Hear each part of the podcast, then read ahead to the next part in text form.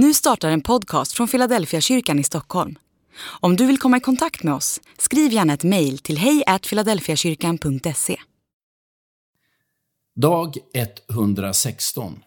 Förlåtelse eller rättvisa. Om Gud hade varit ute efter rättvisa när Jesus dog på korset skulle evangelierna ha sett annorlunda ut.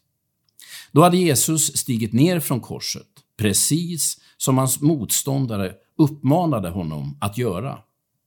Istället hade översteprästerna, fariseerna, Herodes, Pontius Pilatus, de misshandlade soldaterna, de fega lärjungarna, för att inte prata om förnekaren Petrus, har fått byta plats med Jesus. Jesus, å andra sidan, hade strålat i ljus och härlighet och tolv legioner änglar hade flankerat hans sidor. Det hade varit uppenbart för alla vilka som var skyldiga och vem som var oskyldig. Men Gud är inte ute efter rättvisa när Jesus dör. Gud är ute efter försoning.